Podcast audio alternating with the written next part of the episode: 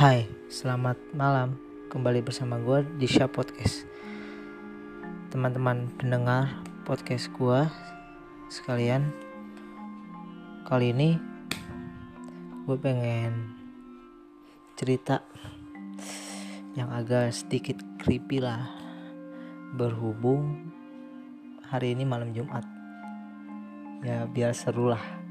Jadi biar kayak ya gimana gitu ya nah gue jadi gue ada sedikit cerita pengalaman gue sih.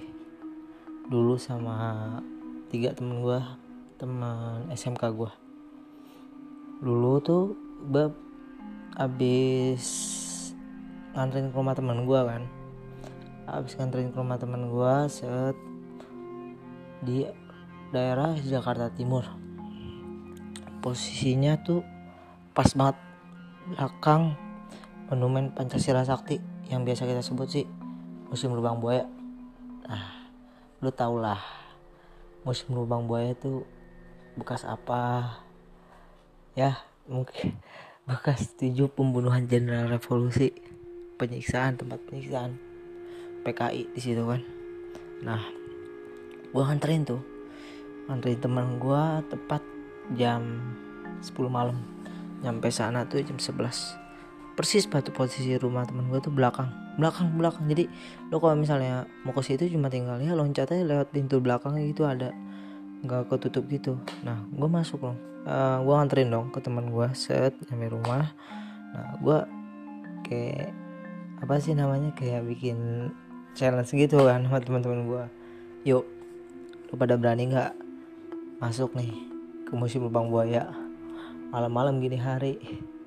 Nah teman-teman gue temen gue itu yang dua. Eh jangan lo ngaco lo deal lo kalau kayak gitu mah nantang maut. Ya iya nantang maut nantang maut gimana? Ya kita uji nyali aja gue bilang gitu kan. Nah udah berunding berunding akhirnya oke. Okay. gue sama temen gue maksain buat ke museum itu masuk ke tempat monumen Pancasila Sakti. Nah gue masuk itu tepat jam ya sekiranya setengah 12 lah setengah 12 ya serius kalau gue bilang sih itu tempat walaupun udah lama ya kejadian ke tahun 65 nah tapi tetap kayak masih berasa gitu hawa-hawa bekas-bekas penyiksaan. Apalagi kan lo yang udah pernah pernah nonton lah film G30 SPKI kayak gimana? Mungkin lo tahu kayak gimana gimana nya nah gue masuk tuh set ke halaman monumen Pancasila Sakti. Pas gue masuk gue kayak denger ada orang jalan. Serak serak bilang ya ngaco nih. Gue baru masuk udah dites nah teman gue nih yang satu udah bilang gini udahlah balik aja bego. Ngaco nih udah gue lu nggak denger apa bunyi orang jalan kayak gitu. Ya lah gue bilang udah lu mau lanjut apa enggak lu kalau nggak mau lanjut gue berdua sama teman gue nah satu namanya Tio. Gue lanjut sih sama teman gue ya sama Tio. Kalau lu nggak mau ya udah lu balik lagi aja. Nah ya udah. Situ dia tetap ngikut ngikut ngikut. Tetap kekeh ngikut bareng gue akhirnya oke okay, gue paksain masuk lagi gue muter-muter. Gue kayak apa ya? Kayak merinding gitu bulu kuduk langsung pas gue muter-muter ke deket halaman yang tempat rumah penyiksaan. Nah di situ mulai. Set bulu kuduk pada merinding semua cok. Bener asli. Merinding banget. Soalnya itu kan ada patung-patung kayak ya kayak diorama tapi patung-patungnya gede kan yang kayak patung penyiksaan penyiksaan nah di situnya makin merinding ya gue kayak anjir lah nih gue kudu paksain nih. Nantangin lagi buat lah gue set gue masuk se kayak gue juga terus temen gue nih yang satu yang Tio ini dengar kayak teriakan ampun ampun ampun. Nah, dia bilang ke gue dong syah lu denger gak? Ada yang teriak ampun ampun. Hah? Ampun ampun. Iya bego lu gak denger? Kagak gue kagak denger yuk. Gue bilang gitu kan. Habis itu berlanjut. Ya, yang bener loh gak denger? Iya gue gak denger. Ah kacau nih tempatnya masih parah nih lah ngapa kacau ini kan tempat udah lama. Tahun 65 kejadiannya. Lu ngapain takut? Lu udah 2019 waktu itu tahun 2019 gue main. Set udah gue paksain saya jalan jalan. Nah sekarang gue yang ngedengar. Kayak bunyi apa ya namanya? Kayak ada benda jatuh gitu. Tapi di sekitaran situ nggak ada pohon buah-buahan gitu nggak ada kayak pohon jamu nggak ada. Cuma kayak bunyi benda jatuh doang kayak gini nih. Nah langsung situ. Gue makin apa ya creepy gitu. Ya. Anjir. Apaan tuh jatuh cok? Ngaco nih. Ngaco ngaco ngaco. Udah udah udah, udah. langsung. Udah itu maksain buat mikir dua kali lanjut apa enggak? Lanjut apa enggak? Udah dong. Dengan berani gue bertiga sama teman gue paksain. Saat gue masuk tetap jalan buat lantangin. Nah, gue nyampe di deket sumur. Sumur pembunuhan. Tujuh pahlawan revolusi yang tempat tujuh pahlawan revolusi itu dimasukin ke dalam sumur itu. Nah pas nyampe situ gue kayak gue kayak apa sih ya? Kan orang kan pasti punya lah ya kayak kayak nggak punya organ sensitif lah maksudnya bukan organ sensitif dalam arti lo bisa ngedenger ngedenger ini inilah. Nah gue nggak tahu apa apa mungkin halusinasi gue aja kali ya. Gue kayak denger masih ada teriakan. Para tujuh pahlawan revolusi. Persis. Di film G30 SPKI seakan-akan tuh mereka kayak teriak tolong keluarkan saya. Tolong tolong keluarkan saya. Saya dibunuh oleh para perusak yang ingin menguasai negara. Gue kayak denger gitu tapi gue tetap astagfirullahaladzim astagfirullahaladzim astagfirullah istighfar istighfar istighfar. Nah oke denger situ nah gue di situ udah mulai diskusi sama teman gue lagi. Diskusi ini mau gimana? Mau lanjut apa enggak? Nah teman gue dua orang ini udah pengen udah lah balik lagi aja lah ayo. Ini juga udah malam. Malu besok ke gawe? Gue bilang ya gue bilang besok gawe masuk siang. Lalu ya gue juga gawe masuk yang satu masuk pagi yang satu juga masuk siang. Jadi gue berdua masuk siang yang satu masuk pagi. Ya udah dari situ gue putusin buat balik. Nah dari area halaman monumen Pancasila Sakti itu ke rumah teman gue ya lumayan lah kalau jalan nah pas gue jalan kayak apa ya dari pohon kelihatan ada dari pohon kayak pohon tua gitu pohon gede. Kayak ada yang kayak kayak lari gitu langsung pas gue nengok. Kayak kagak ada anjir. Kok kagak ada gue tapi gue gue kayak ngerasa gitu.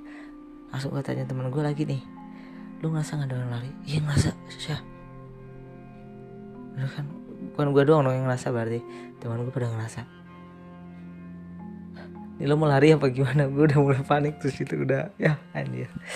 Udah dilatih lah mental gue lah dari situ langsung udah kayak makin jadi gitu. Pas gue balik set ada lagi kayak shuh, shuh. udah. Nah langsung gue pas gue lari bret yang atuh teman gue itu yang Tio itu jatuh. Cedek lah gue bilang yuk lo ngapain gue bilang anjing gak tahu nih gue ngapain padahal situ posisinya lagi nggak hujan nggak bekas hujan aku kering lah tiba-tiba temen gue jatuh. Tek gue bilang lu ngapain sih yo kagak. Ini gue kayak ada yang dorong. Wah anjing. Dorong gimana? Enggak nih badan gue kayak ada yang berat gitu. Di pundak kanannya kayak ada yang lendutin gitu. Nah langsung udah ayo bangun. Udah gue lari set. Dari arah timur pas gue udah lari kayak bunyi sempat bunyi denger kayak biola biola kayak biola biola jadul lah. Yang kayak dimain nama Ismail Marzuki sama Wage Rudolf Supratman kayak teng kayak lagu apa ya gugur pahlawan tuh kayak denger bunyi itu.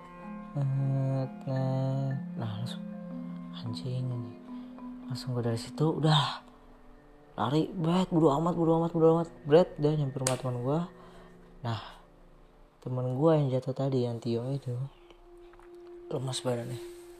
Kayak seakan-akan kecapean gitu kecapean kayak padahal nggak cuma lari doang maksudnya kayak kecapean kayak ada ninding gitu udah bilang ya lu ngapa? Eh syah gue lemes banget syah. Udah dari situ dia dia nyadarin aja lemes.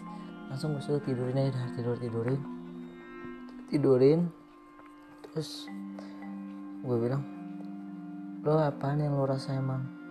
Nih gue di punggung gue yang ngibanin gue syah sosoknya gede dia bilang. Lo tuh dari mana sosoknya gede? Badan gue berat banget dia bilang. Makanya tadi gue pas di lapangan tuh jatuh. Anjir. Dari situ gue ini kayaknya apa sih namanya? Gue yakin sih bukan apa ya mungkin arwah-arwah penunggu situ lah yang gak gue lah jadi langsung teman gue keringet dia set nah tempat kan dia besoknya masuk siang tuh. Nah dia akhirnya gue suruh udah lo istirahat aja nginep di rumah teman gue ini nginep set. Udah besoknya pagi kayak nangis kayak apa sih kayak teriak-teriak masih ya kayak gigil uh, ternyata panas dingin. Kenapa panas dingin? Langsung gue minjem HP-nya gue telepon nyokapnya nih lagi di rumah teman gue namanya Firda lagi di rumah Firda. Si Tio panas dingin bu. Ini ini. Oh gara-gara enggak kemarin juga salah saya. Saya iseng-iseng ngajak dia main-main ke monumen Pancasila Sakti. Nah dari situ set. Ya udah ibunya bilang udah Tio nya suruh istirahat aja dulu. Kalau emang nggak bisa bawa motor nanti kamu aja sih ya bareng kamu nanti motornya tinggalin aja di rumah Firda oh ya udah iya. Nah dari situ teman gue udah gue istirahat saat gue bawa ke dokter. Sempat gue bawa ke klinik dokter. Udah istirahat minum obat terus dia badannya pas jam 5 sore besok itu udah agak enakan. Udah langsung pulang bareng gue saat udah sampai rumah. Udah langsung balik gue dinasehatin dengan mamanya udah share lain kali jangan ajak ajak Tio ke tempat begituan. Dia mah anaknya lemah. Kayak gini gini gini lah. Ya bu. Salah saya juga sih. Saya minta maaf ya bu ya kalau misalnya jadi Tio sakit gara-gara saya. Ya udah ya saya saya minta maaf. Nah dari situ gue ya, gue ngelangkum dari cerita gue ini. Emang benar. Semua tempat-tempat mistis itu pasti ada masih ada sosok penjaganya apalagi itu tempat bekas pembunuhan.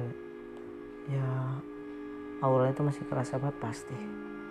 Ya jadi buat teman-teman yang ingin misalnya kayak mau main mau bikin konten main ke kuburan main ke rumah tempat-tempat horor mistis gitu tolong lo persiapkan lagi. Pertama batin lo mental. Posisi lo normal nggak lo lagi nggak ada sakit gak ada apa terus lo siap menerima resikonya kayak gimana pun. Karena lo jatuhnya lo main ke rumah orang yang udah ada penjaganya gitulah. Nah mungkin ini podcast malam hari ini yang gue ceritain. Sampai jumpa di podcast selanjutnya. See you